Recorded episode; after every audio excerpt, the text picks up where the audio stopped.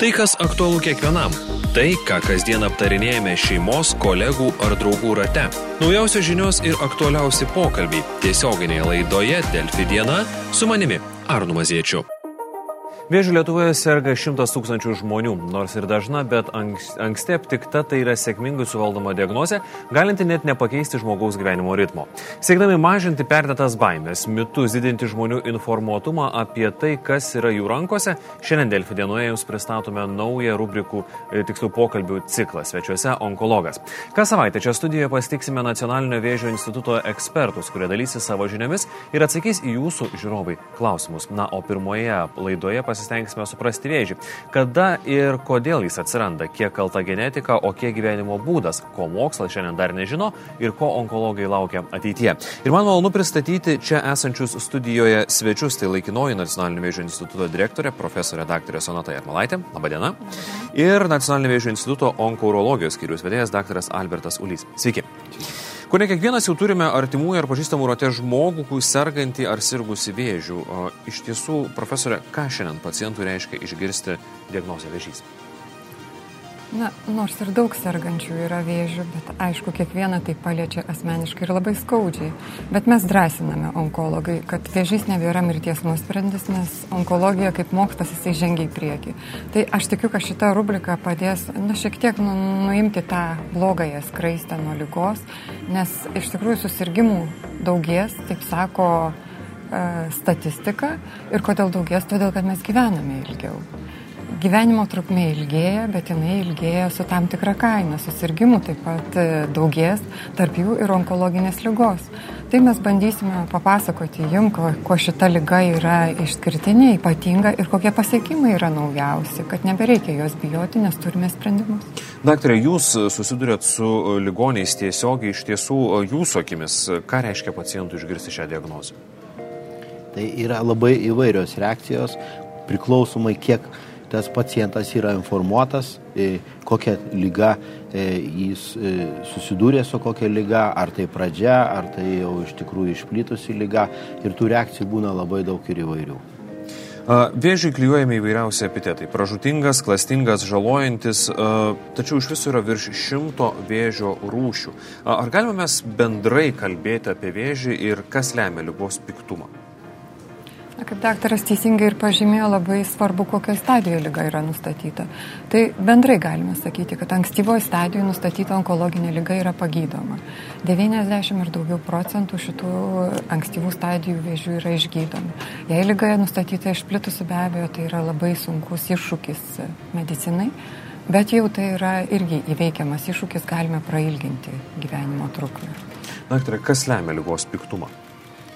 Tai tikriausia lemia pats e, naviko pobūdis, kaip jis susiformuoja, kokius turi jis e, e, agresyvius požymius. Ir kiekvienas navikas yra kaip kažkoks organizmas, kuris gyvena jūsų organizme. Ir jis labai perpranta jūsų organizmą, jeigu taip pažiūrėjus, tai jis net valdo daugeliu atveju jūsų organizmą. Jis, pavyzdžiui, vėžio lastelė, vėlgda, jam reikia kraujotokos jį priverčia mūsų krauja endotelio ląsteles, kad formuotų jam upės, vė, upės kraujo arba, pavyzdžiui, reikia jam kažkokio maisto, kaulą išardyti. Tai pats vėžys paprašo, kad mūsų ląstelės ardytų.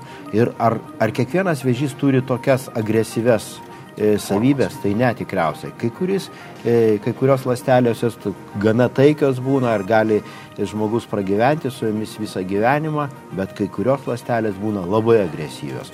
Gal čia profesorė galėtų daugiau paaiškinti, kas tą lemia agresyvumą.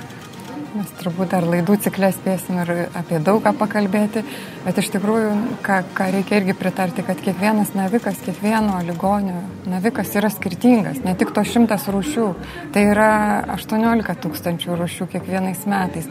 Nes jeigu pažiūrėti molekulinį profilį kiekvieno naviko, jeigu tai ir būtų prostatos vėžys, jis kiekvienas bus skirtingas. Ir kiekvienam ligoniui ir ne tik naviko profilis skirtingas, bet ir organizmas žmogus, jis yra kiekvienas skirtingas. Ir reaguoja skirtingai ne tik į patį auglį, patį pačio vėžio vystimąsi, bet ir vaistus, pavyzdžiui, skirtingai reaguoja kiekvienas žmogus.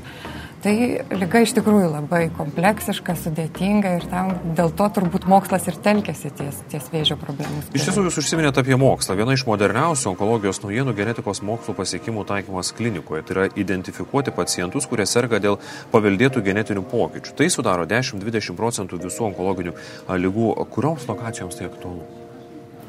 Genetika atėjo į onkologiją tikrai taip, kaip jūs sakote, tos šeiminius vėžius identifikuojat ir mes jau seniai pastebėta, kad kai kuriuose giminėse šeimose dažniau vėžiniai susirgymai pasireiškia. Ir sąrašas tų lygų iš tikrųjų ilgėja ir genų sąrašas didėja pagal tai, kaip mokslas vystosi. Bet dabar mes genetiką klinikoje turime ne tik kalbėdami apie tos 10 procentų vėžių. Dabar atsirado, pavyzdžiui, krūties vėžio molekuliniai subtipai, kurie šiek tiek kalba apie lygos agresyvumą. Jie irgi tie subtipai nustatomi pirmiausia pagal genetinį profilį. Taigi lygos pobūdis, o dabar dar ir vaistų parinkimas yra vadinamoji taikininė terapija, Naviko, naviko mėginys yra ištiriamas genetiškai, jeigu ypač tai yra išplitusi lyga, ir tada yra parenkamas vaistas, kuris veikia to profilio naviką. Taip kad genetikos klinikoje darosi vis daugiau ir aš tikiu, kad e, pasaulis tiki, mokslas tiki, kad būtent vat, genetikos molekuliniai mokslai padės vėžį dar labiau padaryti. Pagydyti. Bet e, ar reikia dirbtis genetiškai? Kokia to prasme, jeigu na, šeimoje, giminėje niekas nėra sirgęs vėžiu? A, tikrai kraujyje ieškoti paveldimumo genų tuomet tikrai neverta ir gazdintis neverta. Bet jeigu giminiai pirmos eilės giminės, mama, tėtis arba kiti artimieji, ar tiesiog giminiai yra jauno amžiaus onkologinių atvejų, tuomet reikia suklusti ir eiti konsultuotis pas gydytoją genetiką ir jisai iš kraujo lastelių pasako, ar yra kažkoks tai polinkio genas. Ką daryti, jei tyrimas parodo paveldėtą geną? Konkrečių pavyzdžių, kada reikia radikalių priemonių, kada užtenka stebėsenos? Tai kaip ir kalbėjome, kiekvienas, kiekvienas atvejs yra gan unikalus, bet jeigu tai yra paveldėtas, sakykime, krūties kiaušidžių vėžio genas mutuotas, paveldėtas, tai jau rizika bus didesnė šitom onkologiniam lygom. Ir pagal e, paveldimo tipą, sakykime, gydytojas genetikas sustato algoritmą. Vieniems siūloma tikrai stebėsenos programa, mamografija atlikta kartą į porą metų, nuo tam tikro amžiaus, nepaskubinant, nepankstinant. Na, o kitiem, jeigu tai labai didelis rizikos yra rinkinys, sakykime, tų, tų prognozinių veiksnių, tuomet siūloma pašalinti prevenciškai audinį. Tai gali būti krūtų pašalinimas, tai gali būti kiaušidžių pašalinimas. Dažniausiai mes tai siūlome jau a, e, nereprodukcinio amžiaus moteriams. Na ir panašiai su kitų lokalizacijų navikais yra tam tikri sprendimai, bet tai tikrai nėra sakykime, kažkokia tai baigtinis sąrašas. Dabar mes turime, kaip jūs klausėte, kokiam lokalizacijom. Tai va, pavardinau, tai e, krūties, kiaušidžių vėžys, mes turime tokius sudėtingus vėžio e, sindromus, kurie gali pasireikšti įvairiom lokalizacijom. Tai gali būti storžalnės, skrandžio vėžys kai, kai kurie smegenų navikai, bet dabar pradedam kalbėti, kad ir apie prostatos vėžio šeiminę riziką. Apie tą mes lik tokį vaizdą žinome, kad yra šeimų, kuriuose dažniau sergama prostatos vėžių, bet genų nežinojame. Dabar genetikos žinios atneša vat, informaciją, kad ir šitas vėžys gali būti paveldimas. Daktarė, ar jūs pritaikot tai savo praktikoje?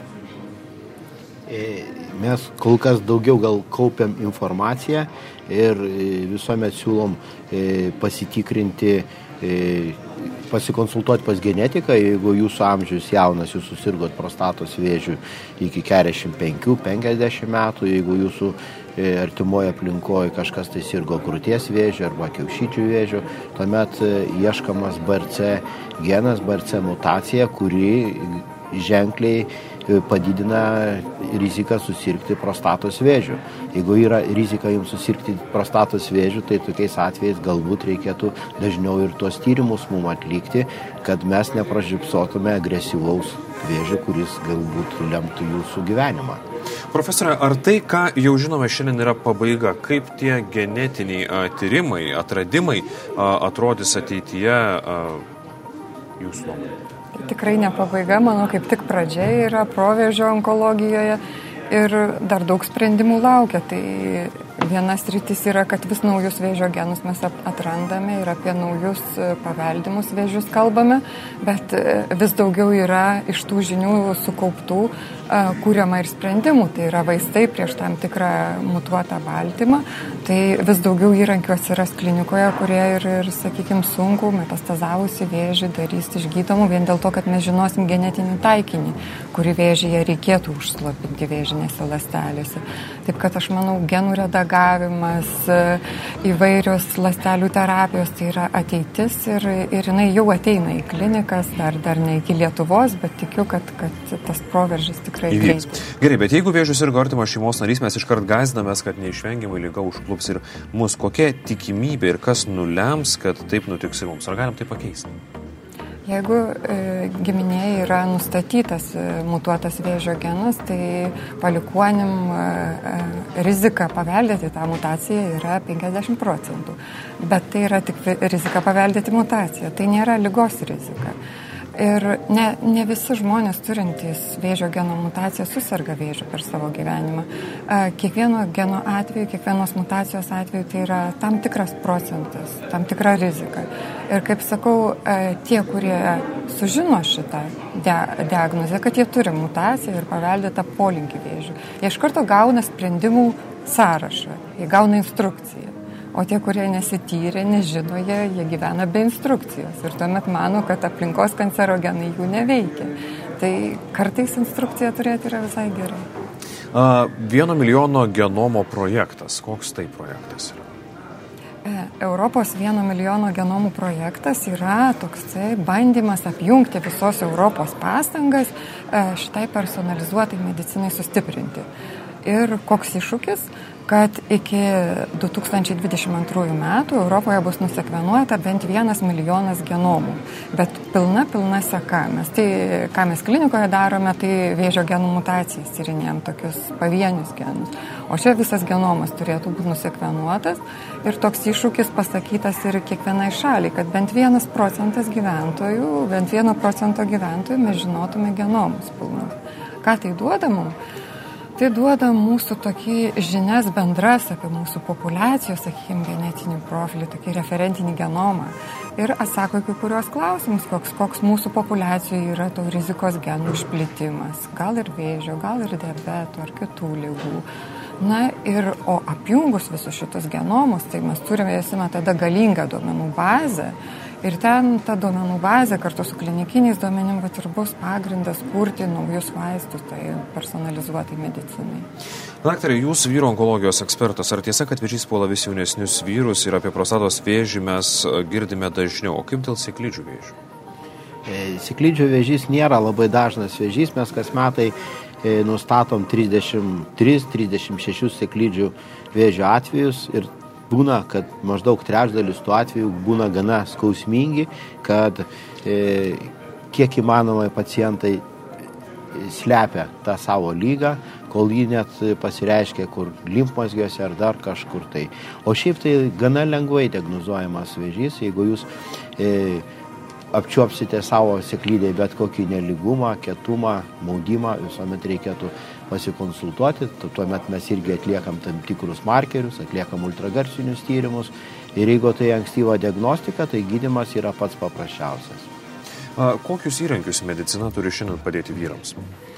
E, tai kaip minėjo profesorė, tų įrankių vis daugiau atsiranda, nes atsiradusi vėžinė lastelė, pirmiausia, įduoda informacijos būtent e, molekuliniai diagnostikai. Molekulinė diagnostika yra labai ankstyva diagnostika. Paskui mes turim markerius, tam tikrus baltymų markerius, kurie irgi padeda. Pavyzdžiui, prie prostatos vėžio yra PSA, bet mes turim šiandien dar e, ženkliai tokius tubulesnius diagnostikos metodus, tos molekulinius vadinamos sistemos, kuris ženkliai tiksliau gali pasakyti, ar tai vėžys, ar tai tik tai uždegimas ar kažkas tai. Ir kai tų lastelių jau yra milijonas ar daugiau, mes atsiranda jau tie vaizdinimo būdai, kurie irgi labai ženkliai tobulėja. E, kalbant apie vėžį, tai aš pirmiausia propaguoju ultragarsinius tyrimus, kurie gana e, gali labai daug atsakyti. Toliau prasideda radiologiniai tyrimai, magnetinis rezonansas, kompiuterinė tomografija, e, pozitrono emisijos tomografija ateina ir, ir, ir daug visokių kitokių priemonių. Tikrai yra. E, pabaigai, profesorė, čia gal jums klausimas. Daugelį domina klinikiniai tyrimai, nes viliamasi, kad tai yra panacėja. Ar iš tiesų jie tinkami visiems ir ar tik ten naujausi vaistai rododami? Ką pacientams yra svarbu žinoti? Mes visą laiką kaip Nacionalinis vėžio institutas labai raginame dalyvauti klinikiniuose tyrimuose. Nes klinikinis tyrimas Lietuvoje ką reiškia? Tai galimybė panaudoti naujausią vaistą. Čia ir daktaras galėtų daug prisidėti, nes yra aktyvus klinikinių tyrimų vykdytojas.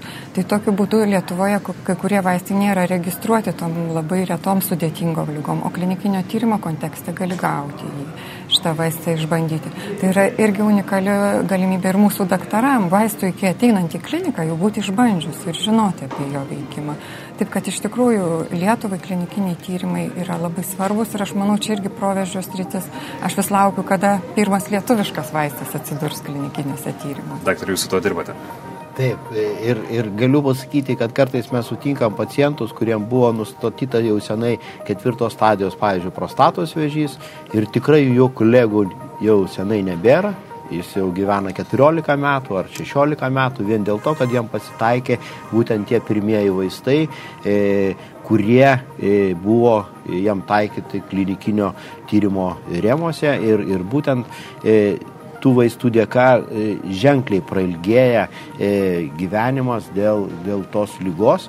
Ir, pavyzdžiui, dabar mūsų labai sėkmingas buvo e, dalyvavimas naujos kartos tokia, sakyčiau, biologiniai vaistai buvo, tai jie dabar užregistruoti yra Amerikoje, tai po, už kokių dviejų, trijų metų jie bus užregistruoti e, Europoje, dar tikriausiai už dviejų, trijų metų tik tai pasieks Lietuvą. Tai ta prasme, kad klinikiniuose tyrimuose dažniausiai antros fazės, jeigu būna klinikinis tyrimas, tai e, pacientai gali gauti kokios 6-7 metus anksčiau tą vaistą, jeigu trečios fazės, tai tikriausiai e, kartais būna ir 4 ir 5 metai. Taip, kad būtų dabar nepasiruošusi kažkokia kompanija, firma vaistų ir tiektų klinikiniam tyrimui netinkamus vaistus, tai tikrai to nebėra, nes tai iš karto prognozuotų į savo, e, sakysim, žūti, pražūti, nes vienam vaistui sukurti sakydavo, kad reikia milijardo e, eurų ar dolerių, tai dabar ženkliai ta suma didesnė yra. Tai prieš vaistui patenkat į klinikinį tyrimą, jis praeina e, prie klinikinį tyrimą, pirmos fazės tyrimą, antros fazės tyrimą ir jau dažniausiai mes dirbam su trečios fazės e, klinikiniu tyrimu būtent tais e, preparatais, kurie jau ženkliai yra pasitvirtinę. Tai sakyčiau, laimė dalyvauti klinikiniam tyrimui, nes tikrai jums pasisekė, nes jūs gaunat pačius inovatyviausius, sakyčiau, vaistus, kurie ateis dar. Kągi, ačiū Jums už šiandienos pokalbį su Nacionalinio vėžio instituto atstovais, kaip ir minėjom pokalbio pradžioje, susitiksime kiekvieną ketvirtadienį. Dėkuoju Jums dar kartelį. Klausyk, Delfė.